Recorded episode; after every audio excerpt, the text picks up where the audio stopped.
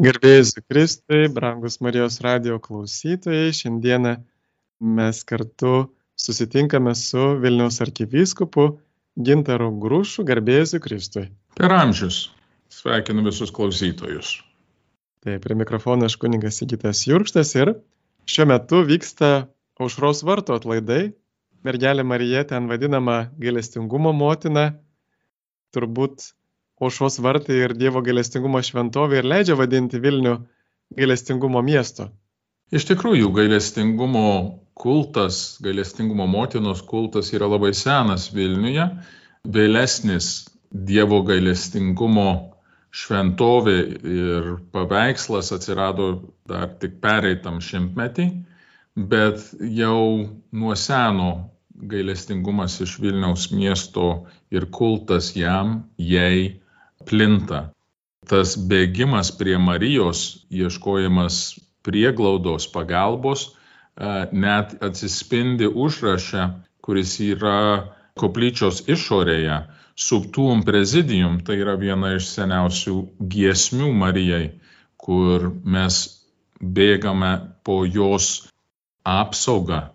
Ir tai jau nuo seno ir buvo ilgus metus čia dar anksčiau didelės piligrimystės čia ir dar jos vyksta iš kitų kraštų, anksčiau ir iš Baltarusijos, bet iš Lenkijos ir Lietuvos įvairių kampų žmonės atvyksta prašyti pagalbos, dėkoti už suteiktą pagalbą ir visiems reikia motinos. Marija ypatingų būdų mūsų visų ir bažnyčios motina. Kai mums yra sunku, mes einam pas motiną pasiguosti, pasidžiaugti kartu, kai sekasi. Tai buvo vienas ir lieka iš svarbių Marijos šventovių Lietuvoje ir, sakyčiau, ir Europoje. Kaip manote, kaip tas gailestingumas turėtų pasireikšti mūsų gyvenime, nes taip atsitinka, kad mes skiriame laiko maldai, jaučiam atgaivą maldoje, bet mūsų artimo tas gailestingumas taip dažnai ir nepasiekia. Ir jį pasilaikome tik tai savo. Tai kaip vat konkrečiai tą mūsų gyvenimą tikrai padaryti tos gailestingos Dievo meilės atspindžio. Yra tų žmonių, žinoma, kur apsiriboja, net šventai Faustinai buvo pasakyta, kas gali darbais padėti artimui, tai tegul padeda, kas žodžiu, jei negali darbais, tai žodžiu, kas malda tik gali ir tai yra gerai. Bet kiekvieno krikščionio prievolė yra padėti artimui. Ir jei mūsų maldos lieka tik maldos dėl mūsų tingumo ar dėl nenoro padėti, tai yra iš tikrųjų blogas ženklas. Turi būti, kad tos mūsų maldos tampa kūnu, tampa veiksmais. Rūpintis ir šeimoje, ir už šeimos ribų, ir parapijoje, ir už parapijos ribų. Viešpats atėjo į šitą pasaulį skelbti gerąją naujieną vargšams. Ir ta gerąją naujieną jis skelbė ne tik žodžiu, ne tik ir maldos pavyzdžių, bet ir dalinimu išmaldų, gydymą ligonių. Jisai rūpinosi iš tikrųjų vargstančiais. Ir net nemaža dalis to mokymo, kur mes randame Evangelijose apie gailestingumą. Labai konkretūs pavyzdžiai. Ir kai jau buvo užklausta, kas yra mano artimas, tai jis apie gerąjį samarietį e, davė pavyzdį. Neužteko, kad levitas ir kunigas keliavo į šitą šventovę. Tas, kuris buvo pagirtas, buvo tas pats samarietis, kuris sustojo ir pagelbėjo žmogui, kur buvo nelaimiai. Dabartiniam pasaulyje mes turim daug pavyzdžių, kur galima prisidėti.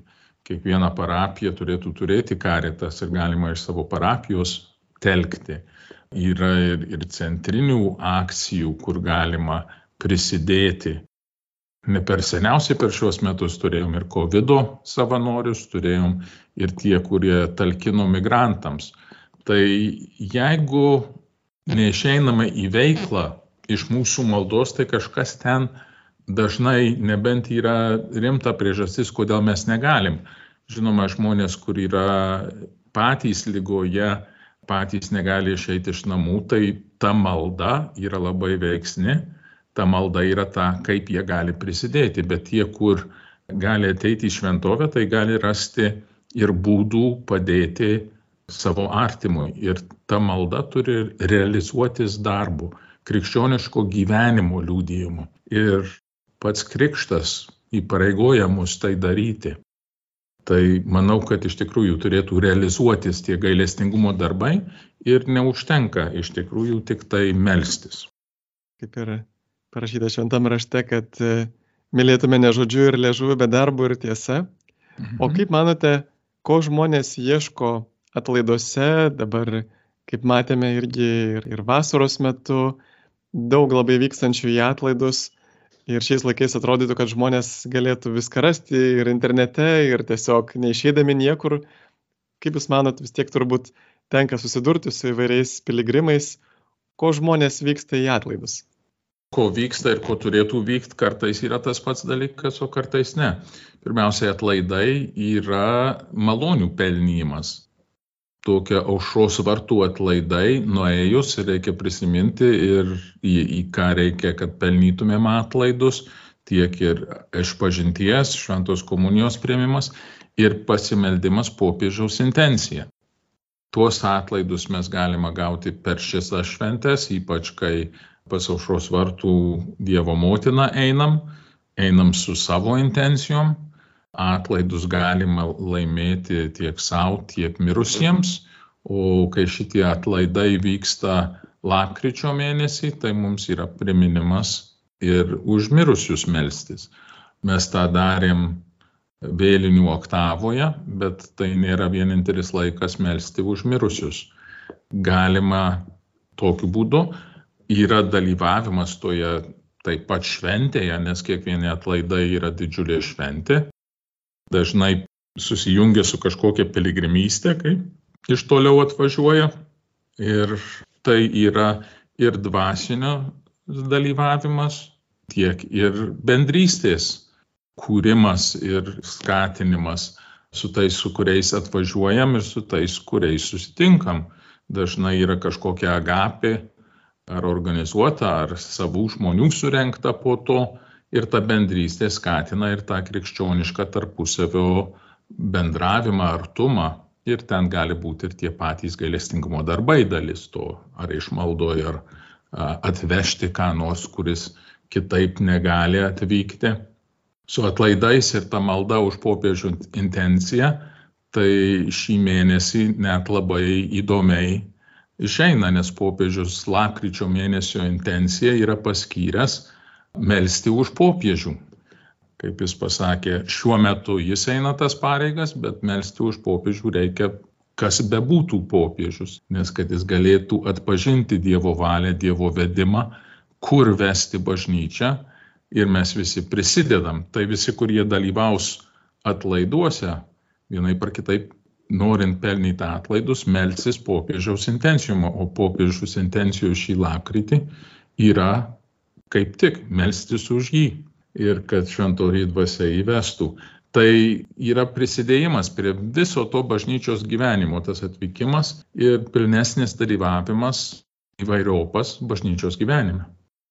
Ir Dievo motina įvairiose savo apsireiškimuose, kurios bažnyčia yra patvirtinusi, ragino žmonės kalbėti rožinį, kad ji galėtų mums padėti. Aš irgi dažnai pastebiu ir savo gyvenime, kada tik tai pamirštų pasimelsti rožinį, atrodytų, kad labai greitai ir supyksti, labai greitai viskas erzina, nebeturi ramybės, o va kada pasimeldi rožinį, atrodo visą dieną tokia kažkokia apgaubė ramybė ir nieks negali išvesti iš pusiausvėros. Tai tikrai realiai matome, kaip rožinio malda mus saugo, mergelė Marija saugo, bet e, kai kuriems žmonėms yra sunku priimti rožinio maldą, vieni sako, kad ji per ilga, kiti, kad užstoja Kristų. Ką jūs į tai atsakytumėt? Kad Kristų užstotų, tai tikrai reiškia, kad žmogus, gal sakyčiau, net ir neteisingai ar paviršutiniškai meldžiasi rožinį. Rožinis yra 20 slėpinių apmąstymas ir tie slėpiniai apima visą Jėzaus gyvenimą. Ten dalis Jėzaus gyvenimo, jo įsikūnymas tiek mergeliai Marijai, tiek vėliau pasaulyje gimstant bet tas mąstymas apie Jėzaus gyvenimo paslaptis, slėpinius yra mūsų minties nukreipimas apmastant mūsų atpirkimo slėpinį, kaip mes esame išgelbėti ir Jėzus tame yra pačiam centre.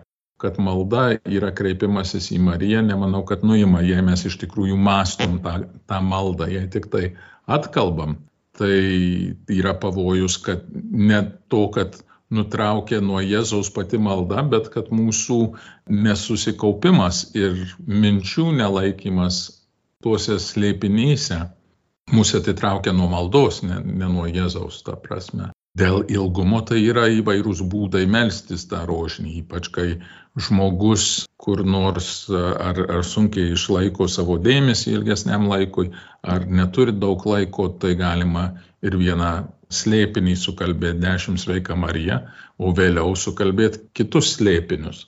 Būdų melstis tikrai yra įvairių.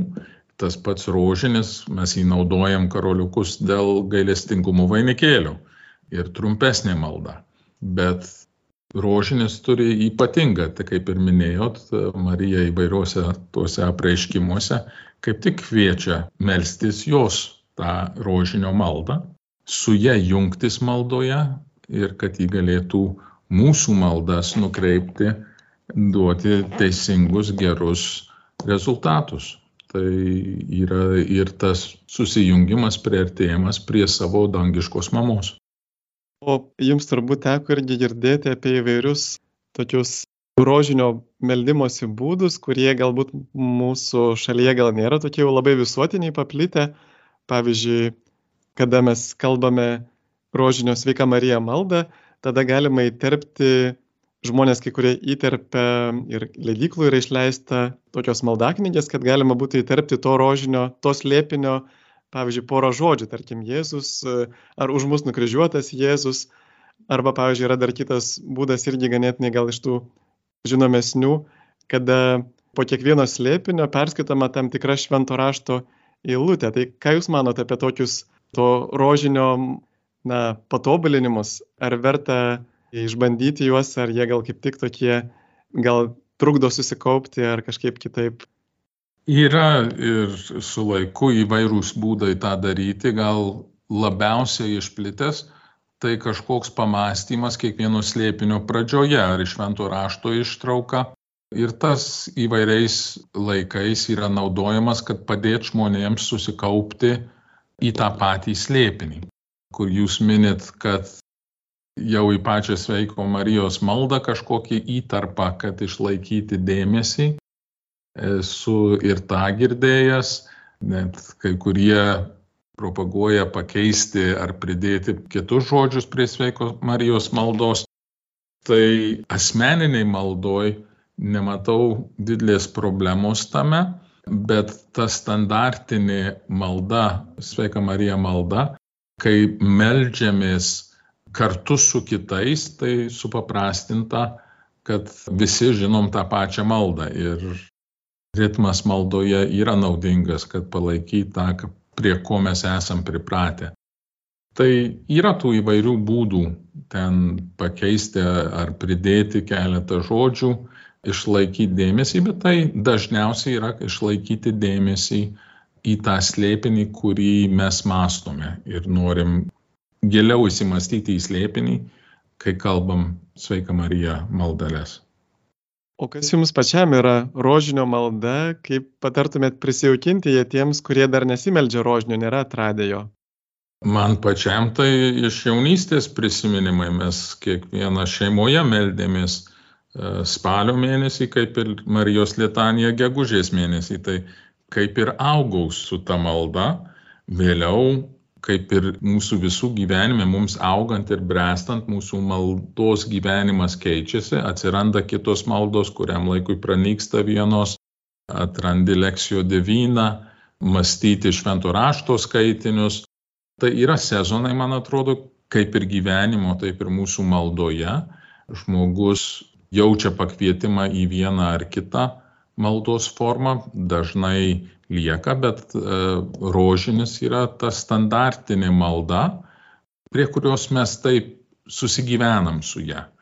Tai yra ritmas, yra būdas susikaupti, kai blaškaisi, bet kai tampa gyvenimo dalis, tai vienas iš ir kunigystėj yra net ir skatinama bažnyčios kanonuose, kad pamaldumas Marijai ir rožinis būtų ta kasdienė lydinti mus malda. Tai nėra privaloma, kaip sakyčiau, brevijorius, kurį mes prisijimam su diekonato šventimais prievolę melstis už visą pasaulį, už bažnyčią ir visą pasaulį, bet yra dalis kasdienės maldos daugeliui ir jaučiasi kaip e, užtikrinta parama, palaikymas Marijos ir ryšys su Dievo motina kasdienis mūsų gyvenimuose. Mėly Marijos radio klausytojai, jūs klausotės laidos Ganytojo žodis.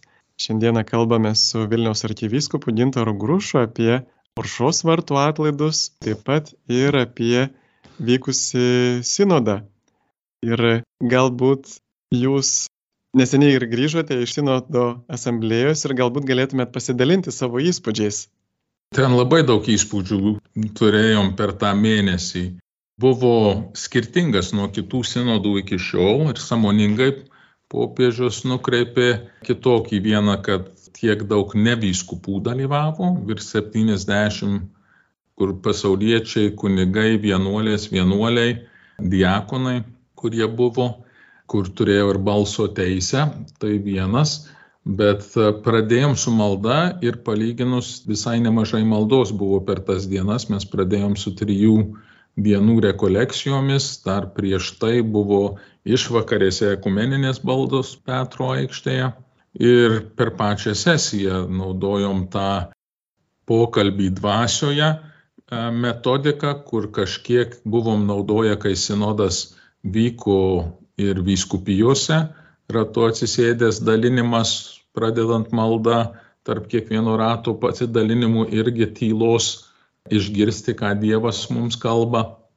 Ir ta metodika irgi veda į bendrystę, bendravimą, bet ir atpažinimą per maldą. Salė buvo visai kita negu ankstesniuose sinoduose naudojam dėl kiekių žmonių, bet ir dėl bendravimo ir dėl šito procedūrų, kad galėtumėm tuos pokalbius dvasioje turėti. Tai sėdėjom aplink stalus, daug ką iš klausytojų gal jau spaudoje matė, kad buvo kažkur 36 ar 38 stalai, prie kiekvieno stalo 12 žmonių. Ir ten tos diskusijos vyko, klausėmės ir dalinomės pagal visą žmonės iš viso pasaulio ir ta žemynų skirtumai ir rūpeščiai tikrai skyrėsi, kas viena katalikų bažnyčia, bet įvairiuose įsikūnymuose, nes afrikiečiai, azijiečiai, pietų amerikiečiai, šiaurės amerikiečiai, europiečiai, dar šalia tų įvairių rytų apieigų bažnyčių atstovai, tiek ir patriarkai, kurie priklauso vienybėje su katalikų bažnyčia, bet turi savo rytų bažnyčių tradicijas ir tvarką. Jie neturi atskirą bažnyčios teisės kodeksą rytų bažnyčioms. Tai jų žvilgsnis vienų ir kitų skiriasi tais pačiais klausimais ir išgirsti kitą buvo labai svarbu, pasidalinti ir ieškoti, kur Dievas veda bažnyčią. Reikia prisiminti, kad sinodas buvo apie sinodiškumą. Tai yra, kaip bažnyčia gyvena, keliauja kartu. Jau mes nuo 21 metų kalbame apie sinodą, sinodiškumą ir kartais maišome, kad sinodas yra tas kalbėjimas, klausimas vienu kitų, bet čia yra tik dalelė to, nes mūsų bažnyčios struktūrose irgi yra poreikis sinodiškumo, mūsų parapijos tarybos yra tokio sinodiškumo išraiška, kad ne vienas klebonas tvarko dalykus, bet visa bendruomenė susirūpinę padėti. Tai įvairiuose lygmenyse apie tai ir buvo kalbėta, kaip tas vyksta įvairiuose kontinentuose, kaip tas vyksta įvairiuose bažnyčios lygmenyse, tai parapijos lygmenys, vyskupijos lygmenys, vyskupų konferencijos lygmenys, žemynų lygmuo ir visų vyskupų su šventu tėvu rūpeščiau bažnyčiai. Rytų bažnyčios turi ilgą patirtį sinodų, bet sinodai vienoj vietoj, kaip jie supranta, sinodai kaip kitam žemynė suprantama ir istorijos tekmė, kaip yra pasikeitę sinodų praktika, irgi buvo objektas, apie kurį kalbėjom ir kaip tai gali atrodyti dabar ir į ateitį. Tai daug įspūdžių, daug žmonių, labai įdomių žmonių, nes ten vyskupų kardinolų, turbūt buvo 60 kažkiek kardinolų, 200 vyskupų, tai ir iš įvairiausių vietų, įvairiausių patirčių. Ten irgi buvo ir malda dėl taikos, tiek pradžioje, ypač dėl Ukrainos, bet mums ten esant prasidėjo tie neramumai ir atakos Izraelyje ir Gazos ruožė, Palestinoje ir už tą mes meldėmės irgi, kad e, būtų taika, kad liautųsi karai. Bet visada pridėdavo, nes ten buvo iš viso pasaulio ir tų karų yra labai daug. Sirijoje, Miemare, Afrikoje įvairiose vietose. Šiandien vyksta karai. Ir kai vyskupai atvažiavę iš tų karų zonų, buvo ir iš Ukrainos, buvo ir Sirijos, buvo ir iš Švento Žemės, tai rūpestis yra ir tie žmonės esam kartu su jais ir tai ne tik melžiamės už juos, palaikome maldoje, bet ir bendrystėje vienoj salėje. Tai tų įspūdžių, kaip sakau, buvo įvairius ir daug. Dar išėjom kartu į piligriminę kelionę vieną popietę į katakombas, meldėmės Petro bazilikoje kelis kartus dėl taikos, dėl kitų rūpeščių švento tėvo tokia ir bendrystė. Galimybė ne tik objektyviai apie kažkokius tikslinius dalykus pakalbėti prie stalų, bet ir per pertraukas ir bendravimo kartu su viso pasaulio bažnyčios atstovais kalbėti. Kaip Jūs pakomentuotumėt na tą popiežiaus mintį, kad jisai kviečia mus būti dialogo žmonėmis išmokti kalbėti su kitais, neužsidaryti ir kad netgi tai turėtų būti krikščionio vienas iš pagrindinių bruožų, va tas ėjimas į dialogą. Ir čia buvo ta pokalbis dvasioje, yra įrankis padėti tą daryti. Mes esame pasaulyje, kur sunkiai ir dalinai dėl interneto, dėl socialinių tinklų žmonės nebedialoguoja, vienas su kitu kalba, o svarbiausiai tai išklausyti kitą, bet kažkokią savo nuomonę bando vis garsiau sakyti. Tai vienas iš bruožų, kur buvo iškeltas ir yra tam dokumente, dabar dar neusibaigė sinodas, užsibaigė tik pirmoji sesija ir šitas dokumentas, kur dabar išėjo, yra, sakyčiau, kratinys to, kas buvo kalbėta ir nurodyta vietose, kur buvo sutarimai, kur dar reikia kalbėti, nes yra skirtingų nuomonių ir ką mes galim daryti per šį laikotarpį tarp spalio mėnesio ir sekančio spalio mėnesio, kad ir tyrinėti tuos dalykus yra duota kurti komisijas teologiniam fakultetam, kanonistam, žiūrėti, spręsti tų dar nesutartų klausimų, ką galim, kaip galim, bet vienas iš tų dalykų yra klausimo tarnystė, apie kurią mūsų karite jau yra, bet kalbama apie išplėsti tą tarnystę visoje bažnyčioje, parengti žmonės, kad mokėtų išklausyti kitą. Tai dabar darome daug kas su vargšais, kartais su vienišais žmonėmis, bet yra ir ta tarnystė, kur turbūt bus puoselėjama ir plečiama toliau, kad vyktų tas dialogas. Žinom, kad dialogas su Dievu mes vadinam malda, bet reikia dialogo vieni su kitais, nes Dievas kartais kalba ir per kitus žmonės. Tai pokalbis dvasioje yra ir, sakyčiau, net technika, kaip tą mes galim mokytis daryti su Dievu ir vieni su kitais. Kai kurie pasauliečiai, net viskupai, nuogastavo dėl sinodo, ar jis netvers kelio į bažnyčią įvairioms blogybėms. Kaip ir Jėzus sako, platus kelias į pražūtį ir daug jų einančių, vadinasi, daugumos nuomonė ne visą laiką gali būti teisinga. Ir e, ypatingai, jeigu tai liečia kažkokį prisirišimą prie tam tikrų negerų dalykų.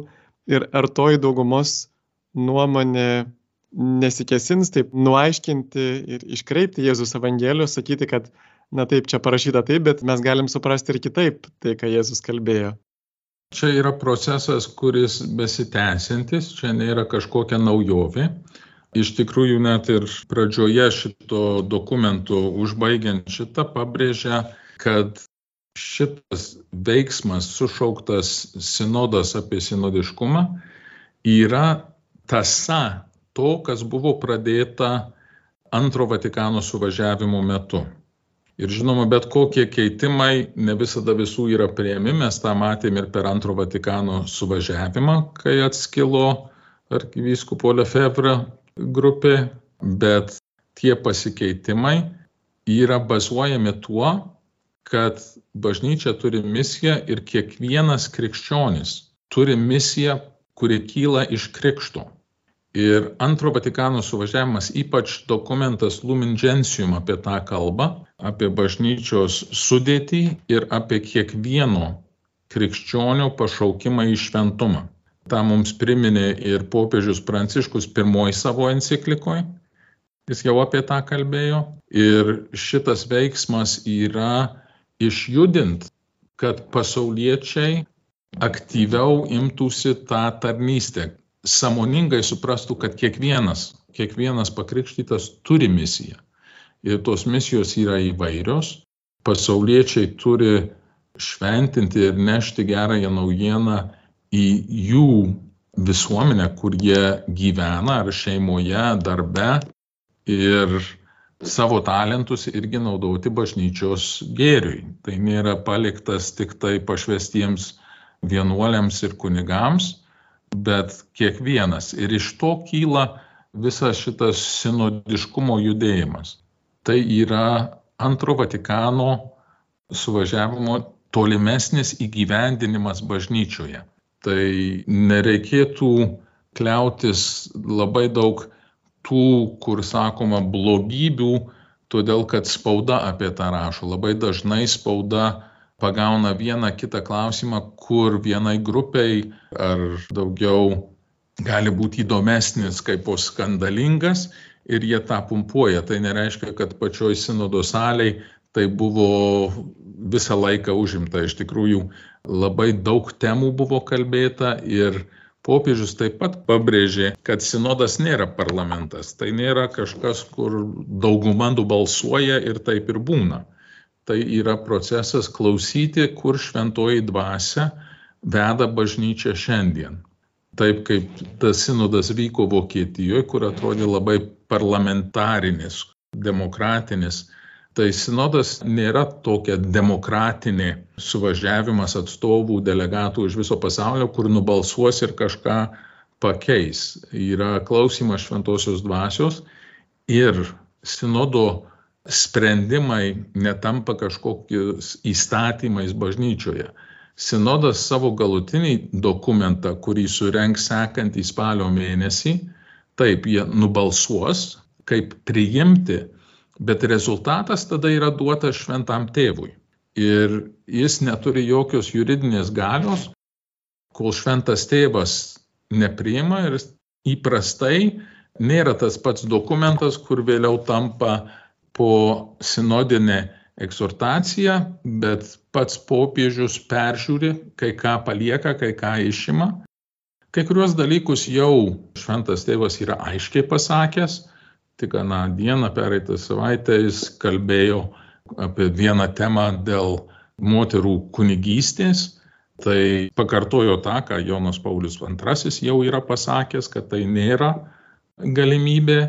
Dėl diakonato tai platesni svarstymai, ne tik ar moterys gali būti diakonės, ar buvo diakonės istoriškai ir jau popiežius dvi komisijas paskyrė įstudijuoti tą klausimą, bet kaip matomai, kad gali būti ir savoka diakono pakeista, nes ji buvo antro Vatikano metu šiek tiek pakeista.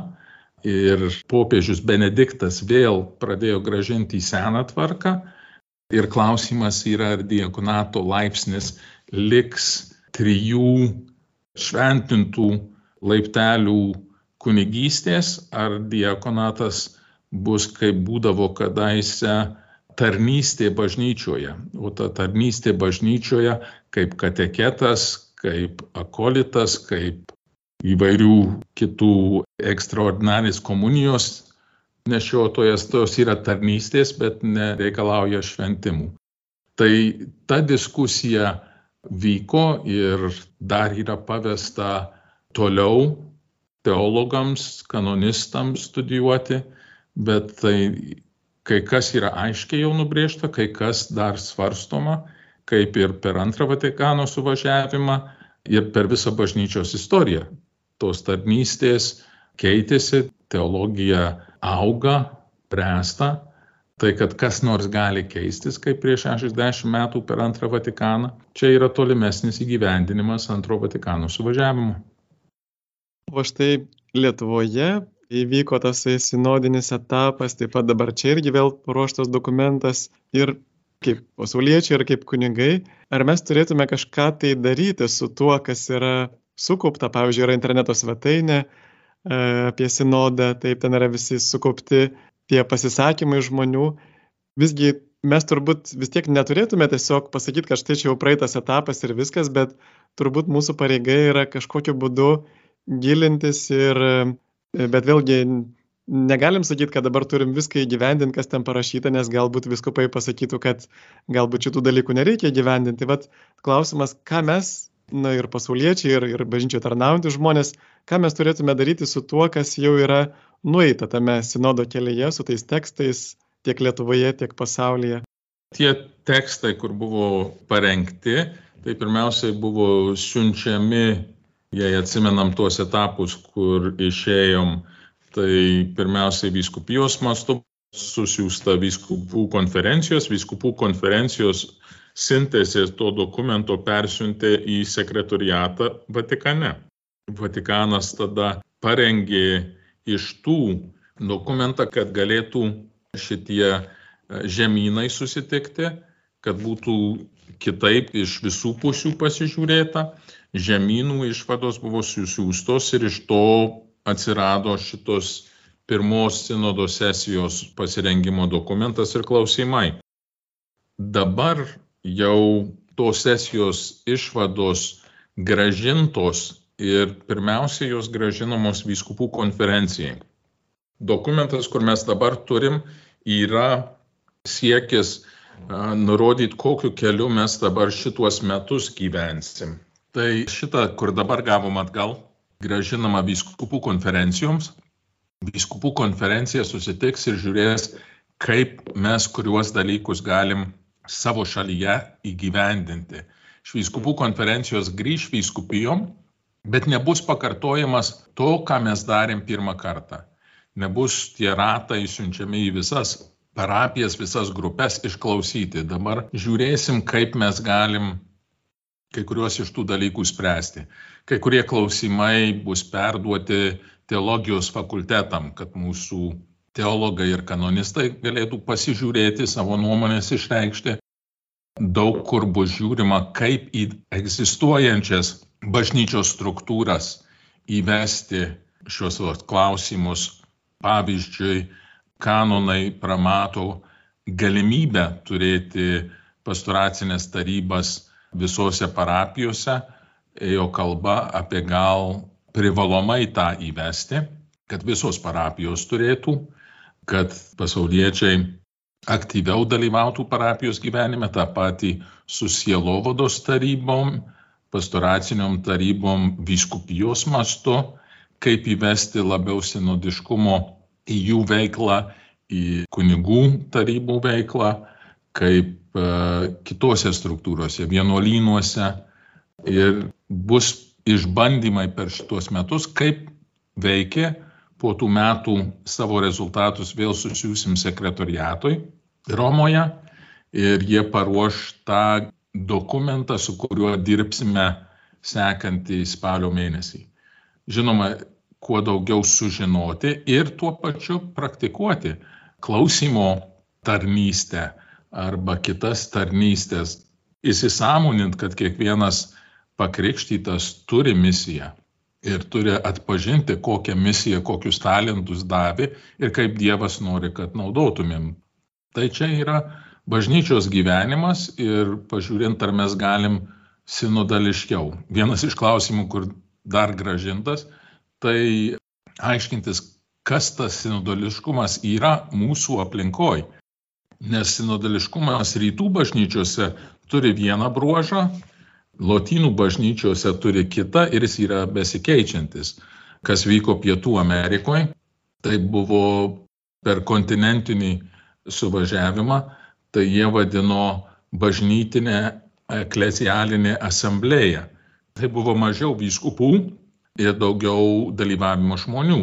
Jie nupaišė norus, kur bažnyčia, kur link eitų, bet ar vyskupai po to pasižiūrė, kaip tą visą įgyvendinti. Yra ir biskupų sinodas, kaip tas atrodys ateityje. Ir ten įvairių pasiūlymų visuose lygmenyse, net ir metropolijos, kurios anksčiau turėjo labai svarų vaidmenį ir dabar rytų bažnyčiose turi svaresnį vaidmenį negu lotynų, vakarų bažnyčioje. Yra kalbų gal tą struktūrą pakeisti, sustiprinti, duoti daugiau atsakomybių. Yra kalbama gal žemynų viskupų konferencijų tarybom duoti užduočių daugiau, kad būtų koordinavimas ir gal net sprendimai pritaikyti bažnyčios gyvenimą, sprendžiant savo problemas savo žemynę. Vienas iš išvadų, kur buvo tai pasiūlymas, kad Afrikos vyskupų konferencijų taryba spręstų, siektų spręsti pastoracinius poreikius poligamijoje gyvenančiom šeimom, kaip juos pasiekti, kaip jiems padėti eiti krikščioniško gyvenimo ryšį, ką jie daro, nes jie turi iš esmės tą pačią problemą kaip mūsų šeimos, kurios sukūrė antrą nebažnytinę civilinę santoką ir negali prieiti prie sakramentų.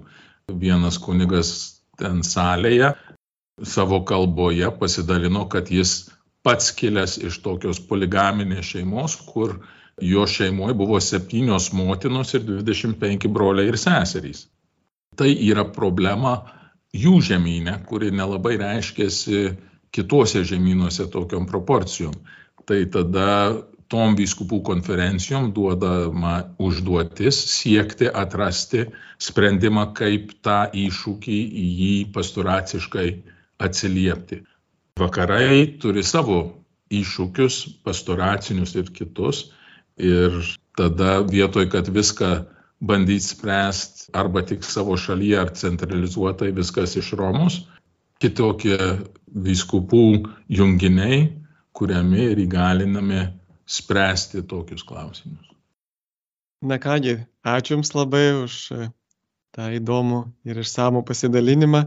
Taigi, suprantam irgi, kad mes neturėtume skubėti užbėgti viskupams už akių ir vis dėlto laukti to jūsų vedimo, kad e, bažnyčia iš tikrųjų turėjo progą išsakyti tuos dalykus, bet taip pat ir jums Dievo yra patikėta užduotis vesti mus. Tai Dar kartą dėkuoju Jums ir gal galėtumėte palaiminti mūsų klausytojus. Labai mielai. Viešpats su Jumis. Ir su tavimi. Garbė viešpaties vardui. Dabar ir per amžius. Te padeda mums viešpats. Dangaus ir žemės kuriejas. Te laimina Jūs visagalis Dievas, Tėvas ir Sūnus ir Šventoji Dvasia. Amen. Labai ačiū ir iki kitų susitikimų. Sudė. Su Dievu. Mėly Marijos radio klausytojai, kalbėjome su Vilniaus arkivyskupu Gintoru Grušu, prie mikrofono buvo aš kunigas Sigitas Jurkštas.